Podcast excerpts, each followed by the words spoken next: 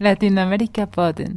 América Latina, Perú y pa Venezuela, Costa Rica y Panamá, Guatemala, El Salvador, Chile y Uruguay, Colombia y Argentina, Brasil y Paraguay, y las Vírgenes Canarias, Ecuador y Trinidad, Aruba, Honduras, Bolivia, México y Jamaica, Nicaragua, Ja, välkomna alla lyssnare till Latinamerika-podden som den här gången ska prata om våra pensionsfonder.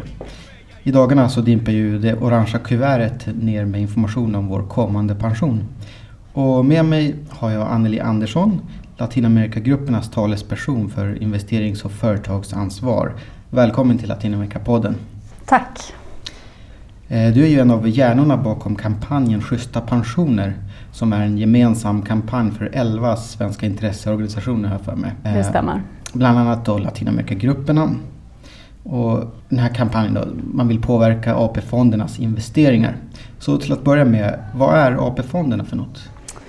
Så AP-fonderna är våra statliga pensionsfonder. Pensionssystemet är uppbyggt av lite olika komponenter där det också finns liksom privata delar som är tjänstepension och så. Men den eh, statliga pensionen den hanteras av AP-fonderna. Eh, och mycket som betalas in i, när vi, alla vi som jobbar, eh, då betalas en del av, vår, av skatten in i, eller pensionsavgift in i systemet och den betalas ut till pensionärer. Så den passerar liksom aldrig AP-fonderna. Men sen finns AP-fonderna som en buffert för att det varierar ju hur mycket som kommer in i systemet och hur mycket som ska ut. Så de ska reglera, liksom, ibland, måste man, ibland fyller man på bufferten och ibland måste man ta av den för att ha råd att betala alla pensioner. Så att eh, AP-fonderna består av sex olika, det finns sex AP-fonder. Och eh, fem av dem är, tillhör den här bufferten och de hanterar de största pengarna. De hanterar ungefär eh, 1200 miljarder. Eh, och sen finns det sjunde AP-fonden eh, och den, är lite den skiljer sig från de andra för den är en del i premiepensionssystemet, alltså den delen som vi kan välja och som syns i, som en liten pusselbit i det här eh, orangea kuvertet. Så den är en del av det systemet. Så de skiljer sig åt på det sättet. Men alla är statliga pensionsfonder. Så att sjunde AP-fonden, då väljer man själv vilka investeringar? Nej, man, vä- alltså man väljer om man vill ha sin, del av, alltså sin premiepension i sjunde AP-fonden eller om man vill välja någon av de andra, den andra uppkörsön av eh, alternativ som finns. Men den som inte har gjort något aktivt val själv om vart pensions, den premiepensionen ska placeras, den har sina pengar i sjunde AP-fonden. Sen kan man också välja, om man har gjort ett annat val, så kan man välja tillbaka sjunde AP-fonden. Men idag är det väl ungefär 3, miljo- 3 miljoner svenskar tror jag som har sin premiepension i sjunde AP-fonden. För det är många som inte har gjort ett aktivt val. Och sen är det också, det har väl gått bra för den fonden så det har inte varit ett dåligt alternativ att liksom vara soffliggare i den meningen. Ja, bra i bemärkelsen eh, hög avkastning. Ja, ja. Eh, Och idén med pensionsfonderna då är ju att pengarna som folk betalar av på skatten för eh, sin kommande pension Eh, ska ge så hög avkastning som möjligt eh, och samtidigt som man ska ta hänsyn till etik och miljö. Och det låter väl bra. Så vad är problemet? Ja, problemet är ju, alltså det här, det här är att ta hänsyn till etik och miljö, det står i eh, den, de, den lag som nu styr eh, AP-fonderna. Det står inte i själva lagtexten men det står i förarbetena till lagtexten. Eh, så finns den formuleringen att fonderna ska ta hänsyn till etik och miljö dock utan att göra avkall på det övergripande målet om hög avkastning.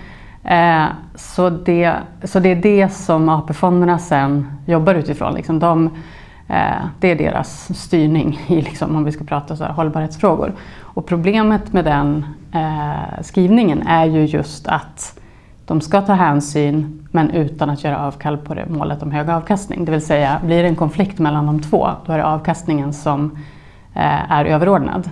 Så det är ju egentligen för hela Schyssta pensioner-kampanjen eh, det grundläggande problemet med dagens system. Att vi, har, vi, liksom, eh, vi kan kompromissa med mänskliga rättigheter och miljö och klimat om det kostar för mycket.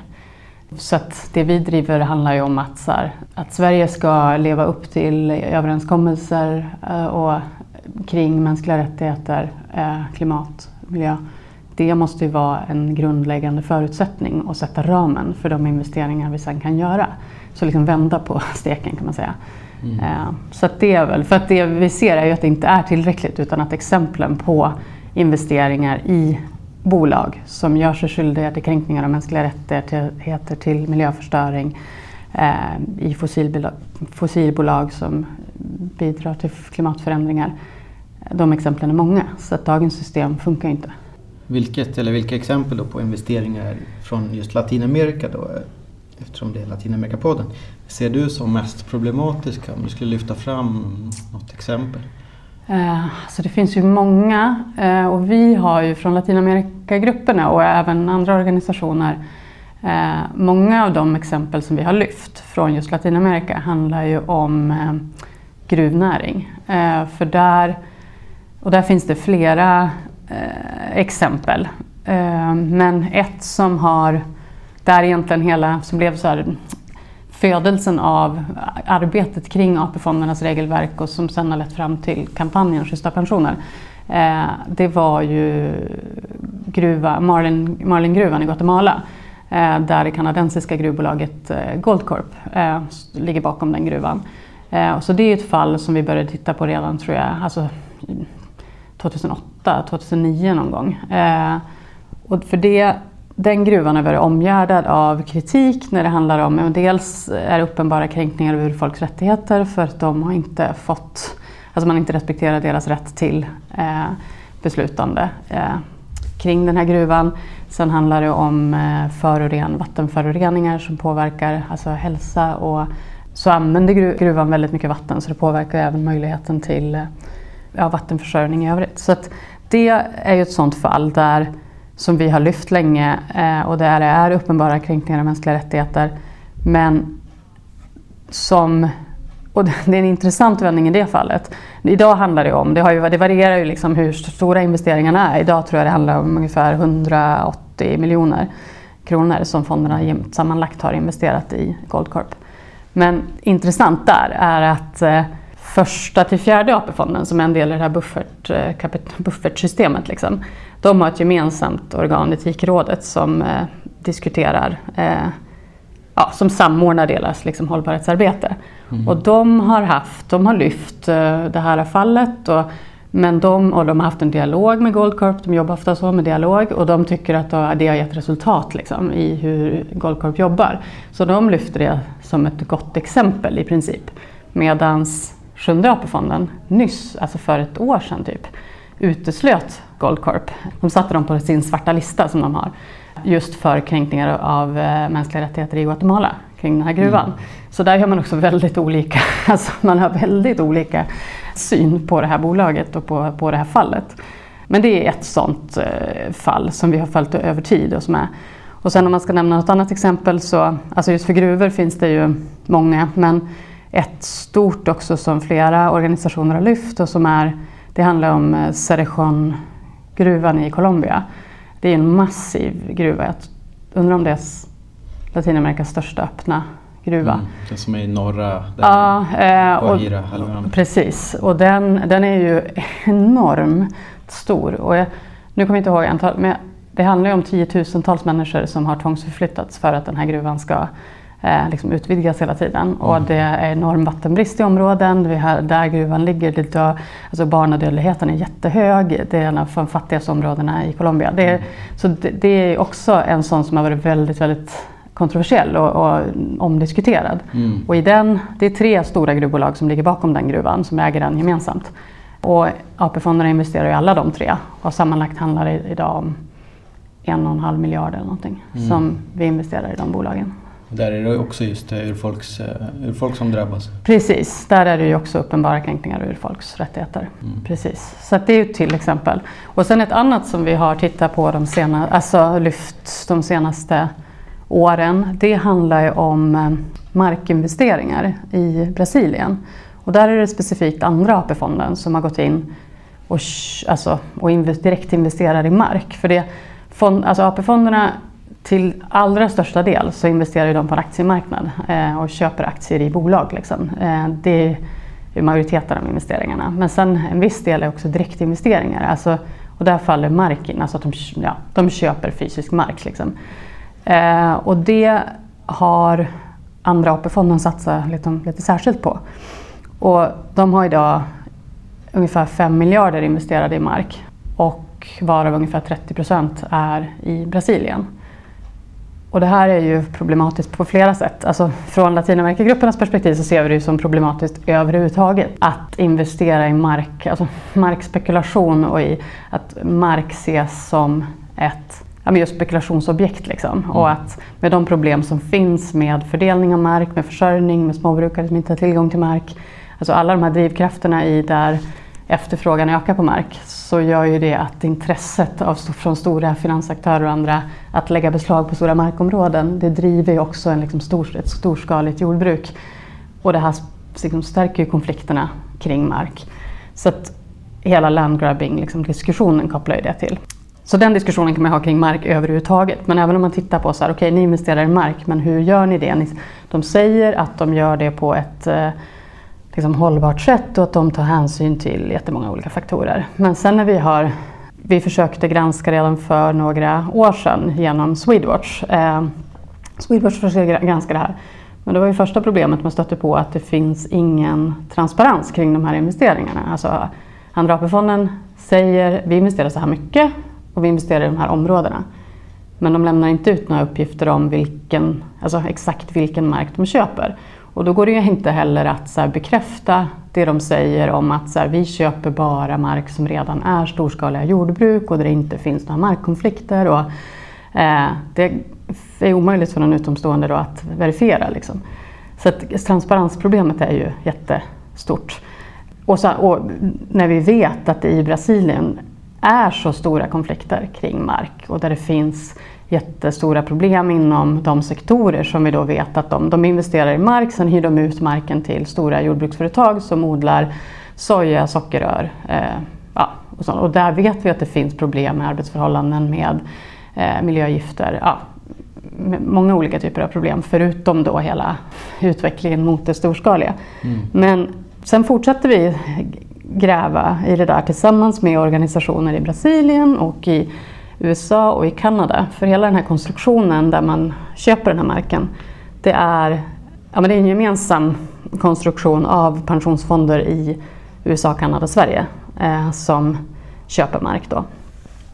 Och vi försökte under flera år liksom, gräva i det här mm. och sen lyckades man ändå identifiera två fall där man har köpt Eh, alltså vilken specifik mark fonderna har köpt. Och i de fallen kunde vi då se jättestora, alltså då visar det sig att eh, man har köpt mark av en liksom, ökänd landgrabber, en affärsman i Brasilien som är eh, ja, men som ses som en ökänd landgrabber och som utreds av åklagare för storskalig landgrabbing. Och liksom en jättekontroversiell aktör i mark, alltså där han gjort sig skyldig till att tvångsförflytta människor och med, liksom, med våld och så. Eh, så den personen har man köpt av. Eh, I den här jättehållbara processen som man hävdar, att man sådär kollar alla. Ja. Eh, och sen en annan sak, att man har skapat en struktur. För i Brasilien är det egentligen, det finns lagstiftning som ska begränsa utländskt ägande av mark just för att liksom, skydda sig mot den här landgrabbing-problematiken. Eh, så att eh, som utländsk aktör så kan man egentligen bara äga ganska lite mark. Men det här har man då kommit att liksom kringgått genom att skapa en jättekomplicerad struktur där man jobbar genom lokala aktörer. Alltså, Jaha, det går, jag kan inte ens redogöra för hur den, men liksom när man börjar så här, mappa upp hur den här strukturen ser ut så är det, då kommer man liksom förbi eh, den här lagstiftningen. Så det, själva. det är typ bulvanföretag? Ja, men typ. Mm. ja, så att, man har transparensproblemet, vi har att man köpt av väldigt tvivelaktig aktör och att man har skapat en konstruktion där man kringgår lagstiftning i princip. Mm. Eh, det är otroligt problematiskt och när det här kom ut så men AP, andra AP-fonden de, eh, de menar att allting går rätt till och att de inte har gjort något fel. Så det där är ju ett jätteproblematiskt exempel. Ja, det, det känns ju lite problematiskt att man, att man genom att man har alla medborgarnas pensionspengar då så gör man ju alla till medbrottslingar så att säga. Ja, så är det ju. För det, alltså, det, det är ju därför vi också har valt att fokusera just på, alltså det finns flera pensionsfonder, men att vi just fokuserar på AP-fonderna. Alltså, det är speciellt att vara en statlig pensionsfond för att då representerar, alltså det du gör, gör du ju i alla medborgares namn. Liksom, mm. Så att kraven på hur en statlig pensionsfond, eller ett statligt bolag för den delen, uppför sig borde rimligen vara väldigt höga. Liksom. Mm. Så därför är det extra viktigt att liksom ligga på dem. Och, det och, och sen en annan aspekt av det handlar ju om att Även om man då, just den här sjunde AP-fonden, som jag, den kan man alltså välja att inte investera i. Men de här eh, första till fjärde och sjätte som är en minifond, men första till fjärde som hanterar de stora pengarna, de kan vi ju inte välja bort. Så där är ju möjligheten till liksom konsumentmakt eh, obefintlig. Utan det är ju genom politiska beslut eh, det kan förändras.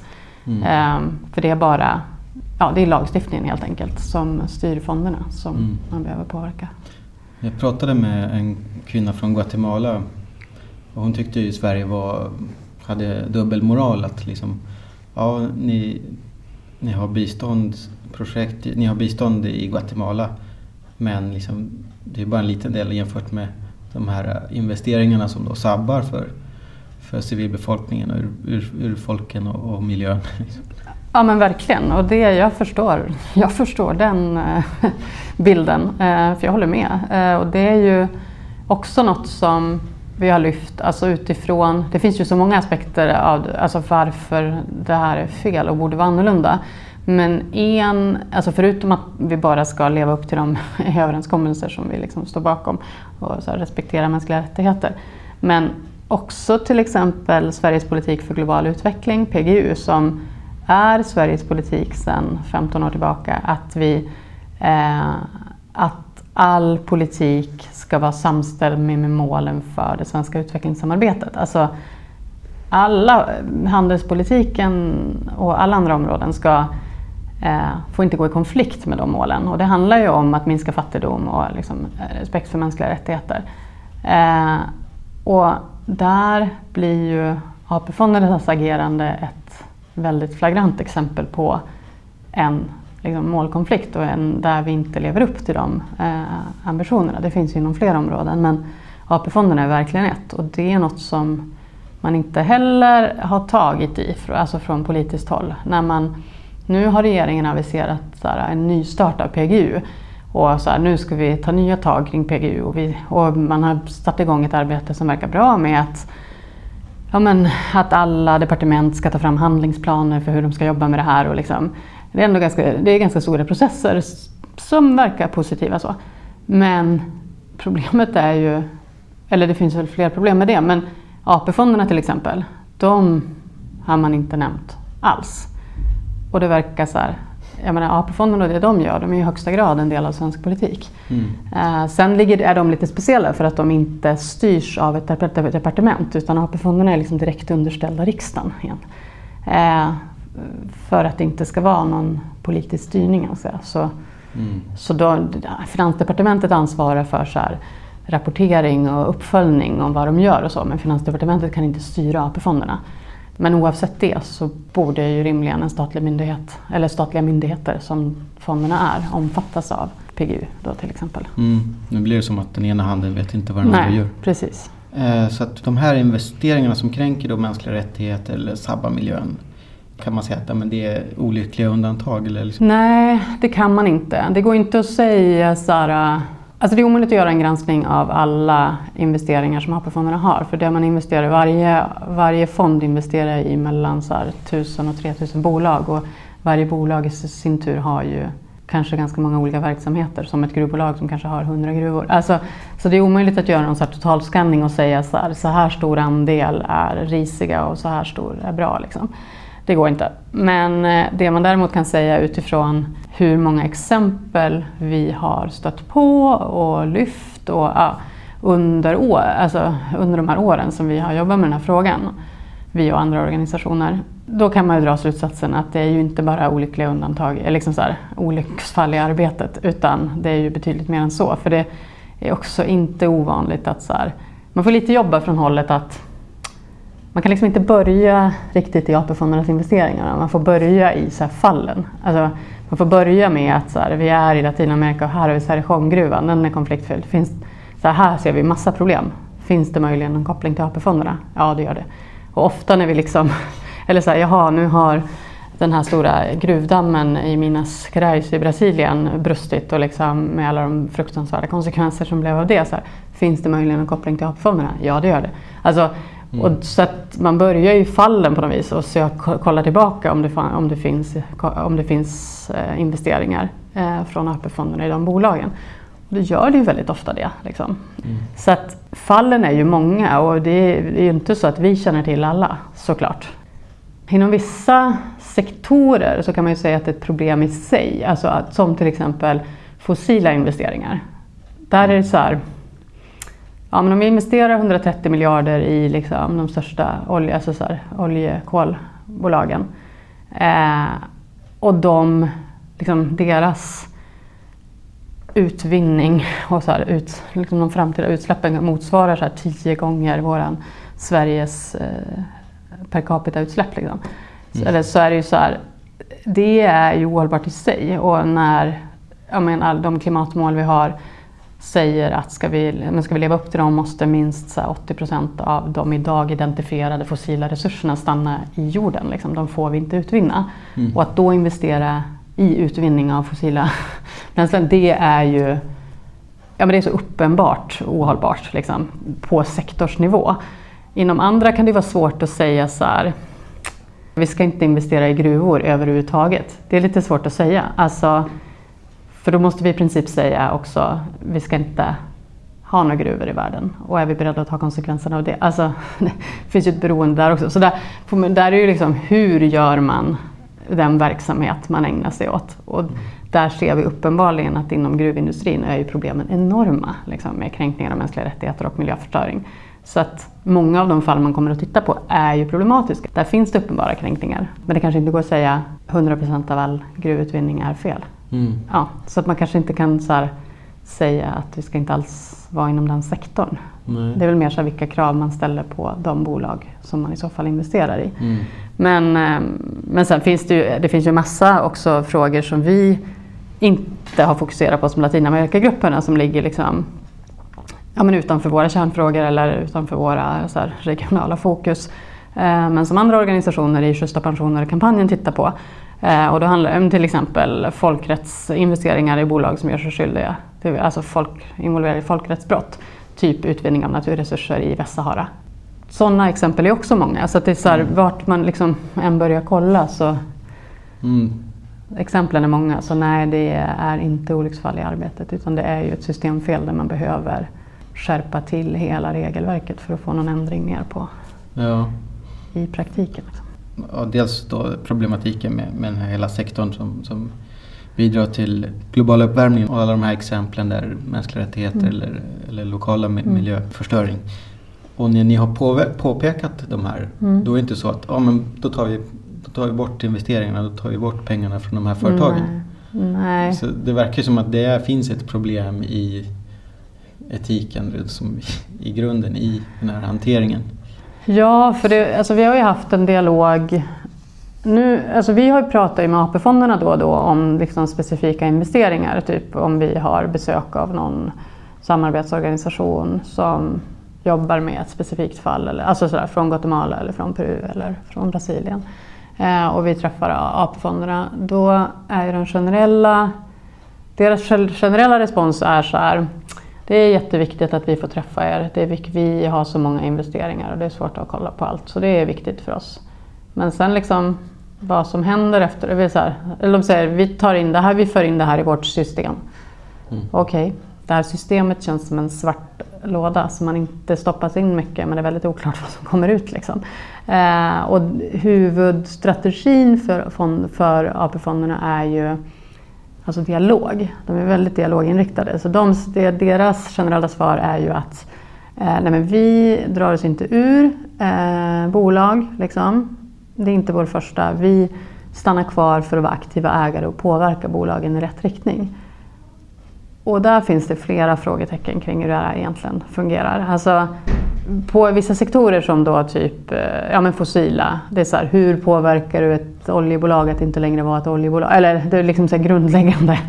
Eh, lite oklart hur den här, så här dialogstrategin egentligen, eh, vad den har för syfte och vad man tror att man kan nå med den. Men sen även i andra typer av fall eh, ja, men, eh, med Goldcorp kring Marlin eller något.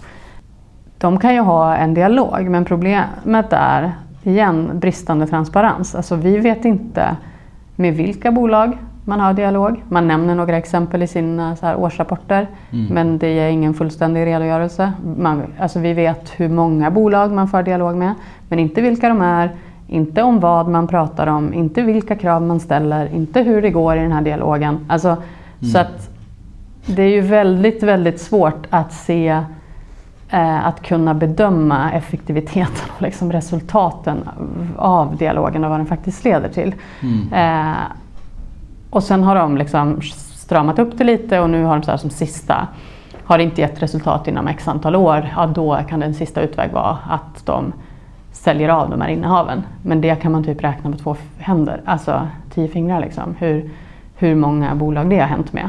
Av de då många tusen bolag som man investerar i. Så att, och det ska jag säga också att så här, det är inte bara vi som organisationer i Schyssta Pensioner som ifrågasätter den här effektiviteten i i de här dialogerna. Och nej, det är inte bara Latinamerikagrupperna och de andra inom Schyssta pensioner som är kritiska. På Amnesty Sverige-kontor i Stockholm sitter Kathleen McCoy. Hon är sakkunnig inom området ekonomiska aktörer och mänskliga rättigheter. Och så här säger hon om FNs kritik. FN har då kommittéer som bevakar hur väl stater lever upp till eh, eh, sina skyldigheter under olika konventioner. Så det finns liksom en kommitté för olika konventioner. Varje konvention har sin kommitté kan man säga och de granskar länder eh, periodvis. Och då har Sverige granskats av Kommittén för ekonomiska, sociala och kulturella rättigheter bara nyligen i somras, alltså 2016. Um, och då kom frågan om investeringar och AP-fonderna upp och då fick Sverige en rekommendation som är liksom Alltså det är ungefär det som FN-kommittéerna kan göra. Det är en rekommendation, så det är starkt, starkt i sig att, um, att staten ska säkerställa att investeringarna inte leder till kränkning av mänskliga rättigheter. Så att man menar att man inte gör det idag. Um, inte inser sin, sin roll att säkerställa att man lämnar, liksom, det, det är för, um, för slappt eller vad man ska säga. De, de, det som är intressant också tycker jag var att de pratar inte bara om eh, AP-fonderna utan sträcker sig till andra eh, investerare. Här på engelska så står det eh, Swedish National Pension Funds and other investors acting abroad. Så egentligen så säger de här att, att staten har ett ansvar för sina egna, förstås för AP-fonderna, men att man även har som lagstiftare ett ansvar att se över andra investerare och se till att, att säkerställa att de inte bidra till kränkningar av mänskliga rättigheter. Mm. Mm. Det var en generell kritik eller var det på grund av några specifika fall då? Eh, det, var, så det här var vad jag förstår så när man har, alltså man har ehm, när kommittéerna granskar så tar de in synpunkter från olika aktörer, de har möten med staten men även andra aktörer kan, eh, kan komma med synpunkter. Och då, vad jag vet så kom organisationen FIAN med en skuggrapport där de lyfte just eh, investeringar av AP-fonderna i Brasilien, om jag inte missminner mig, ehm, bland annat. Så att man, eh, efter det så tittade man närmare på det och tyckte inte att Sverige gjorde tillräckligt för att säkerställa att man inte bidrog till kränkningar. Och då kom den här kritiken. Men det är inte första gången, för redan 2012 så var barnrättskommittén hade också något liknande mer generellt, inte specifikt AP-fonderna, men om, om, om så handlar det om företag, eh, företagsagerande utomlands och även kommittén om eh, mot diskriminering av kvinnor, CEDAW-kommittén, hade också rekommendationer att eh, staten borde se till att, eh, att eh, företag gör den här due diligence. Mm. Och due diligence, vad menas det? Precis, det där mänskliga rättigheters due diligence, det är någon slags Eh, riskanalys vad gäller mänskliga rättigheter. Mm. Eh, att man kartlägger riskerna och redogör för hur man tänker hantera dem. Och man, man, man måste vara öppen med det hela tiden också, transparent, så att det går att, att granska. Mm. Och hur har Sverige tagit emot den här kritiken, skulle du säga? Det är en bra fråga. det är ingenting som har hänt hittills vad gäller eh, instruktionerna till AP-fonderna i alla fall. Eh, nej, men det är, någon, det är säkert en process som är igång. Det här har kommit nu, eh, de granskades i somras. Eh, det här kom ut i höstas om jag inte har fel. Så att man har väl tagit eh, till sig det, men något konkret har jag inte sett ännu. Men jag hoppas att det kommer. Mm. Till exempel att man ändrar eh, ja, att AP-fonderna får andra instruktioner. Men vad gäller de andra aktörerna, andra investerare och så, det får vi se. Sverige mm. kommer att uppdatera, de har en eh, handlingsplan eh, vad gäller FNs vägledande principer för företag och mänskliga rättigheter och det ska uppdateras 2017. Mm. Så vi får se om det kommer lite, lite nytt där. Mm. Men vilka möjligheter och begränsningar ser du i statens ansvar för ekonomiska aktörers agerande i världen?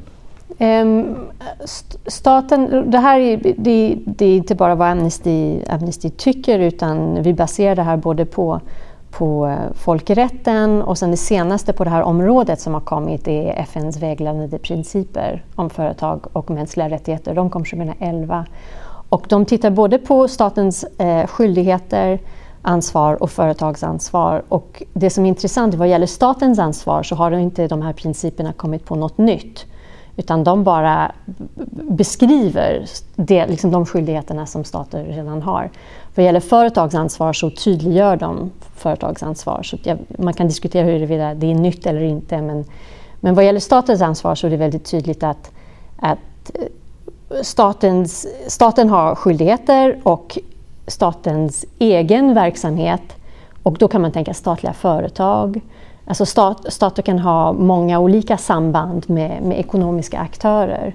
Det kan vara investeringar, det kan vara exportstöd, det kan vara som sagt statliga bolag. Och man kan nästan se dessa ekonomiska aktörer eh, eller, ja, som, som en förlängd arm av staten. Och då har staten i dessa fall en ännu, ett, vad ska man säga, ett större ansvar än om man säger liksom ett helt oberoende företag.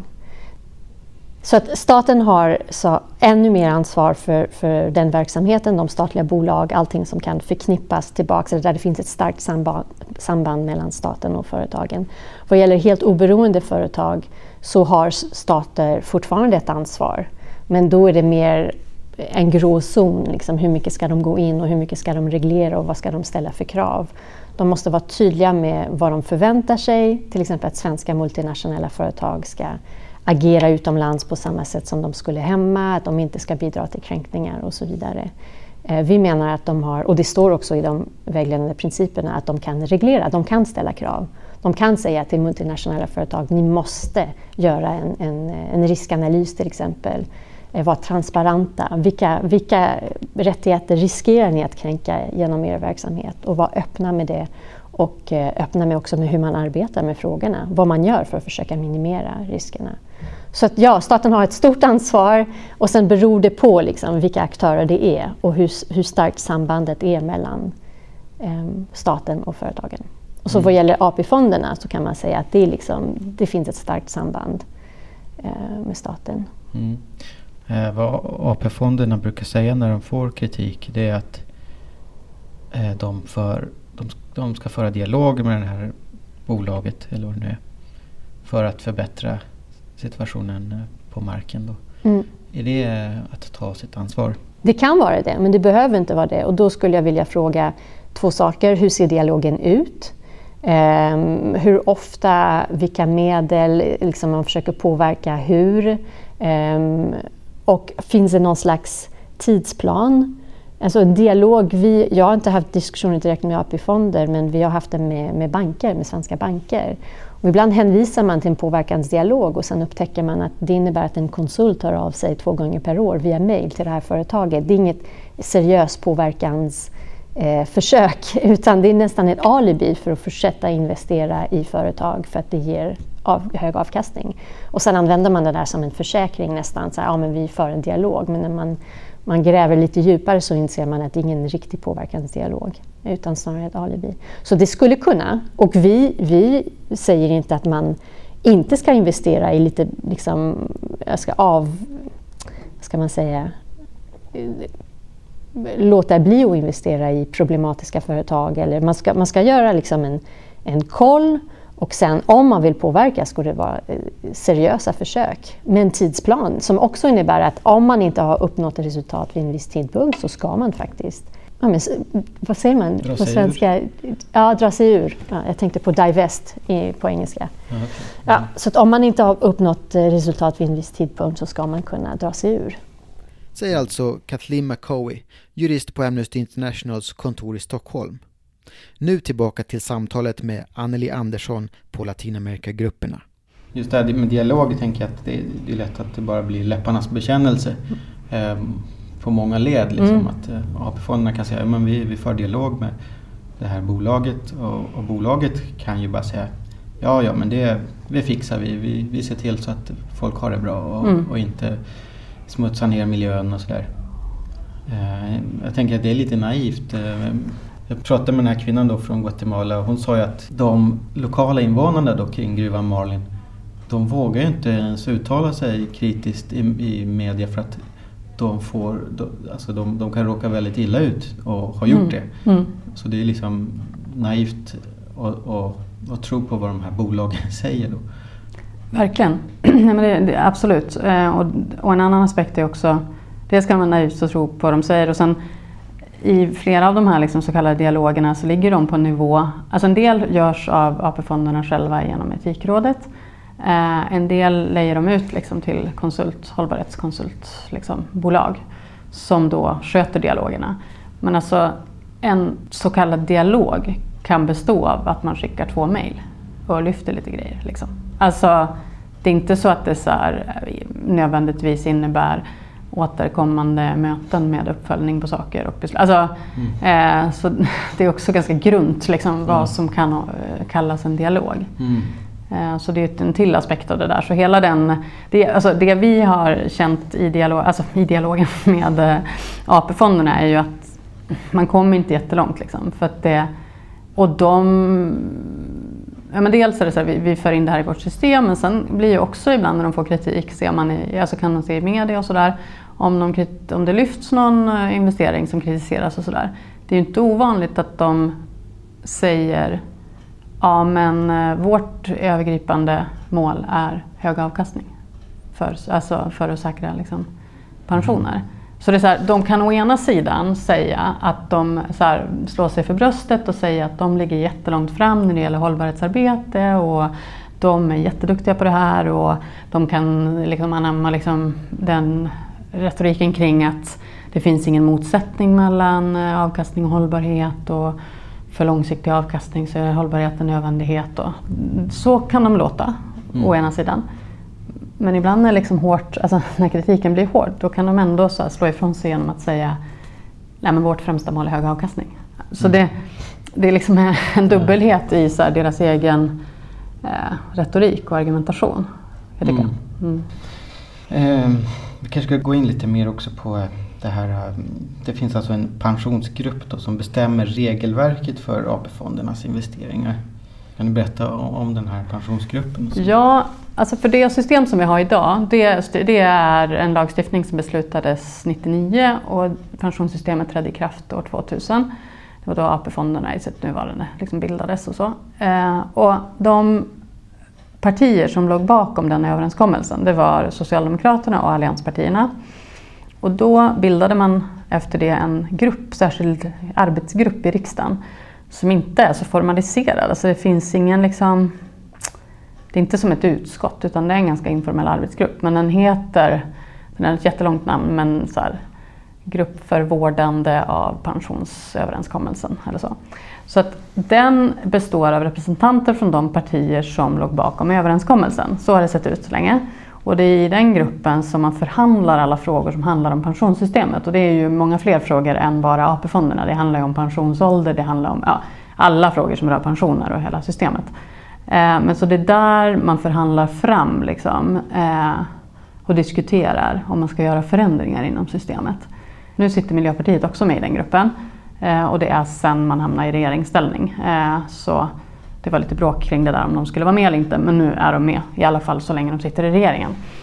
Men så det är den gruppen som, nu har man sen ett antal år tillbaka har man liksom inlett en process för att ja, men till exempel se över AP-fonderna. Så det är en särskild process där det har tagits, eh, gjorts eh, utredningar och lagts fram förslag. Eh, och där, då förhandlas det här. Det är i pensionsgruppen som säger den här riktningen vill vi gå.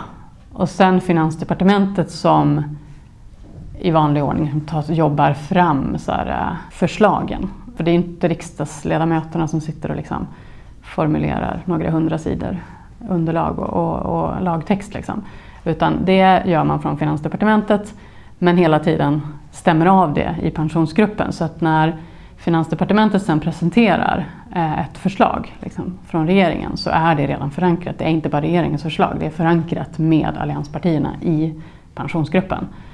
Eh, så det är lite speciellt liksom, jämfört med en vanlig lagstiftningsprocess. Eh, Ja, men så den gruppen är jättecentral just för, för hela diskussionen om det övergripande regelverket. Och det är det vi försöker påverka från Schyssta pensioner-kampanjen. Alltså, för det är ingen idé, vi kan ha en dialog med AP-fonderna men de verkar ju inom det regelverk de har. Liksom. Mm. Och vi ser att man behöver ändra reglerna så att fokus har legat och ligger hela tiden på riksdagen eh, att påverka pensionsgruppen. Så att det övergripande regelverket blir vettigt. Så vi får skrivningar som är skarpa i lagtext och i förarbeten. Och sen kommer inte det att räcka. Alltså, sen kommer, ska ju det implementeras och omvandlas till liksom mer utförliga riktlinjer för hur man ska jobba och så. Eh, och det görs ju så här, beroende på hur man sen organiserar det. Men det kommer ju vara flera steg ner till det, ner till liksom AP-fondernas själva implementering. Så det kommer ju vara många steg man måste påverka. Men det första är ju själva det här som sätter den övergripande ramen. Och det är där vi vill ha in så här, skrivningar om att investeringar ska ske med respekt för mänskliga rättigheter, miljö, internationella klimatmål. Mm. Bland annat. Och det, och det som jag har förstått så, så har, har det varit på gång alltså, att göra om det här regelverket, eller hur? Att det mm. varit, hur har det gått med det? Ja, eh, efter då flera års processande så la, eh, la, kom det ett förslag eh, i juni 2016. Eh, och det var ett förslag som vi från, ja, från kampanjen Schyssta pensioner såg ganska vi var ganska positivt överraskade för vi hade lite fått så här, vi, hade, vi visste inte riktigt vad vi skulle förvänta oss. Vi hade ju haft en dialog innan och så men det var, det, de säger inte så mycket om pågående förhandlingar och vi fick lite känslan av att så här, man kanske bara bytte ut några ord. Liksom. Det är så här, vi pratar inte längre om etik, vi pratar om hållbarhet. typ. Eh, men sen när förslaget kom så vi, tyckte vi ändå att det innehöll ganska rejäla förbättringar. Eh, alltså, Genomgående i det förslaget pratar man om vikten av hållbara investeringar, om hållbar utveckling. Det är inte bara ett eget kapitel utan det liksom är återkommande. Det finns skrivningar i lagtext, alltså för förslag om att det faktiskt lagtext så här, skriva ut det. Eh, det står att fonderna ska, ja, ska bidra till hållbar utveckling och det är liksom ganska utförliga definitioner av vad man menar med det och så. Och där ingår ju respekt för mänskliga rättigheter bland annat. Alltså, då pratar man ju om bred hållbar utveckling så här, socialt, eh, miljömässigt och ekonomiskt. Eh, men, så det var positivt, eh, mycket. Men sen var det också fortfarande en del grundläggande problem. I lite andra ordalag än i nuvarande lag men så säger man ändå fortfarande att avkastningen är överordnad. Det var också så lite konstiga förslag kring skulle ha någon slags eh, referensportfölj, alltså en låtsasportfölj som alla fonderna skulle så utvärderas mot hur det gick. Eh, och då var det att den skulle sättas ihop utan någon hänsyn till hållbarhetsfrågor om man ska kalla det det. Det blev också väldigt konstigt att man sådär förutsätter att fonderna ska jobba med det men de ska utvärderas mot något som inte ska ta den hänsynen. Så det var konstiga saker. Men det var också mycket som var bra. Så vi var så här, vi gav både ris och ros. Men generellt så möttes det här förslaget av eh, väldigt mycket kritik. Eh, inte egentligen alls inom hela det här eh, det vi pratar om, så här, mänskliga rättigheter och miljö. Men andra delar av förslaget som handlade om att slå ihop fonder, om hur de skulle styras och hur, hur de skulle struktureras. Så då kom det skarp kritik från både eh, ja, men från fack, näringsliv, AP-fonderna själva, så det var ganska tunga remissinstanser som så här, var väldigt kritiska. Så det som hände var att bara en månad efter remisstidens slut, i december då 2015, så ett drygt eh, år sedan, då eh, la man, eh, då meddelade regeringen att man lägger det här på is.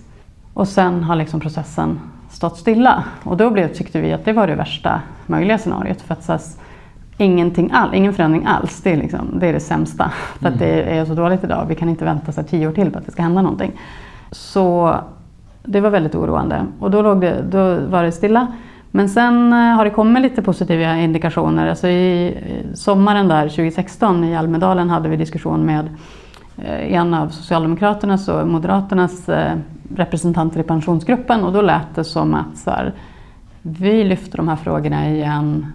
Vi håller med om att det behövs en förändring. Ja, men det var ganska positiva tongångar. Sen har det varit tyst sen dess. Så nu vet vi inte riktigt vad som händer. Mm. Det har inte, vi har så legat på om att vi vill ha en dialog om det här, vi vill liksom, eh, tycka till, vi vill, ja, vi vill vara med i en process. Eh, och inte bara liksom vi som kampanj men att så här, aktör, relevanta aktörer, att det inte är en helt sluten process. Mm. Men eh, vi har inte hört något mer så vi vet inte vad som händer. Mm. mm. När ni pratar med dem eh, och framför er kritik, vad, vad, vad säger de då? Hur reagerar de? Nej, men det har blivit ganska... Mm, jag tycker att jag har sett en förändring. Jag har ändå jobbat med den här frågan i ett antal år nu. Och jag tycker att det har skett en förändring i hur vi bemöts. Eh, jag tycker att vissa representanter i pensionsgruppen har gått från att kanske sådär säga, nej men vårt främsta, vi måste ändå säkra svenska pensioner. Till att idag säga, nej men vinnarna blåser ju åt ert håll, det ert håll och det är klart vi måste ha hållbara investeringar. Alltså det har hänt ganska mycket i hur man pratar och hur man diskuterar frågan. Eh, så jag skulle säga att det finns en större öppenhet idag eh, och det finns en större medvetenhet om de här frågorna. Men sen, det är lite samma sak där, att vi, vi träffar ju dem också, alltså riksdagsledamöter i pensionsgruppen med och berättar om fall och de träffar gäster från Latinamerika, representanter som vittnar om liksom, eh, hur det ser ut i Marlin eller hur det ser ut i Cerrejón. Eh, men hur det sen landar och vad som händer är lite svårt att veta. Alltså eftersom mm. att vi heller ingen insyn i deras interna förhandlingar. Och det kan jag väl, alltså jag kan ju någon mån förstå det. Det är väl känsligt och alla partier har sina positioner och sådär. Eh, så att vi inte får veta så mycket om vem som tycker vad eller hur det går. Ja, det är väl inte jättekonstigt. Men sen skulle vi önska en öppnare process där man hade fler forum och tillfällen där man faktiskt tog in eh, civilsamhälle, akademi, ja, mm. andra aktörer som faktiskt kanske har en del expertis och kan bidra till att det här ska bli så bra som möjligt. Ja, men nu eh, den lyssnare som, som hör det här och tänker att så här får det inte gå till. Så vad, vad kan hen göra? Alltså, finns det något som man som enskild medborgare kan göra i den här frågan? Eh, men det man kan göra är ju, eftersom att det behövs ju press på politikerna för att fatta beslut, eh, så genom Schyssta pensioner-kampanjen har vi ju en e-post, eh, man kan mejla, eh, mejla pensionsgruppen eh, och säga att man vill ha ändring. Och där finns det på schysstapensioner.nu eh, en sån ta ställning där man jättesnabbt kan eh, skicka iväg och så här, ehm, ställa sig bakom det. Det är ju en jätteenkel och snabb grej att göra att skriva under den och att sprida den. Eh, och det man annars kan göra är ju helt, alltså att, att prata med folk om frågan, att lyfta frågan, att få fler att eh, inse det här, alltså bli medvetna om det här, hur våra gemensamma pensionspengar används. Eh, I de forum man själv har, alltså man kan skriva en insändare. Att prata, att hjälpa till att göra fler medvetna eh, och att så här, ligga på politiker. Det är väl det man kan kan göra. Och det är inte lite. Eh, och det är ju liksom alla de rösterna tillsammans som kan sätta någon, någon press i frågan. Mm. Eh, och det har, vi, det har ju spelat roll skulle jag säga. Jag, att, den här, att det här förslaget som kom för eh, ett och ett halvt år sedan ändå var så pass relativt bra ja, jämfört med vad det hade kunnat vara. Eh, och att eh, den här förändringen har skett i pensionsgruppen. Och, ja, det är ju ett resultat, inte bara, alltså det är också ett resultat av en vidare samhällsutveckling men det är absolut ett resultat av liksom, organisationernas arbete i den här frågan. Vi har ju lyft, vi har skrivit så många debattartiklar och insändare och grejer i den frågan och det har ju också skapat en större medvetenhet bland journalister tänker jag. Alltså att så här, vi har ju sett till att saker vi har gjort, att det har väckt intresse hos journalister som har gjort granskningar men sen ser vi att journalister och eh, redaktioner själva granskar AP-fonderna utan att vi har haft någonting med det att göra. Eh, och det är ju ett resultat av att man mer och mer har lyft frågan tänker jag. Eh, så här, att flera har så här, börjat tänka i de banorna och kommit ihåg att det här är någonting att hålla ögonen på. Eh, så att, är det är mångas idoga arbete. Mm. Eh, vill, vill, du säga något om, om hur kampanjarbetet, eh, vad som händer där nu framöver? Eller? Ja, alltså det första är väl att vi måste försöka ta reda på vad som händer i eh, pensionsgrupperna med processen nu. Liksom. Eh, och annars är det väldigt mycket att bara fortsätta så här, fortsätta ligga på, lyfta frågan, ni får inte tappa den. Eh, så på olika sätt påminna om det. Jag tror vi hade en liten så här, vi var kanske lite mindre aktiva under så här hösten. Vi gjorde några insatser men nu ska vi försöka spurta igång igen i, under året här. Mycket kommunicera om frågan och eh, prata med de som har makten att förändra. Mm. får vi sätta punkt där. Tusen tack Anneli Andersson för att du medverkade i Latinamerikapodden. Tack! Latinamerikapodden. Du har lyssnat på Latinamerikapodden med mig Larry Honkanen. Och den här podden produceras av Latinamerikagrupperna. Du som är intresserad av de här frågorna och vill stödja det folkliga inflytandet och se en hållbar utveckling i Latinamerika. Bli medlem av Latinamerikagrupperna. Latinamerikagrupperna. Latinamerikagrupperna. Latinamerikagrupperna!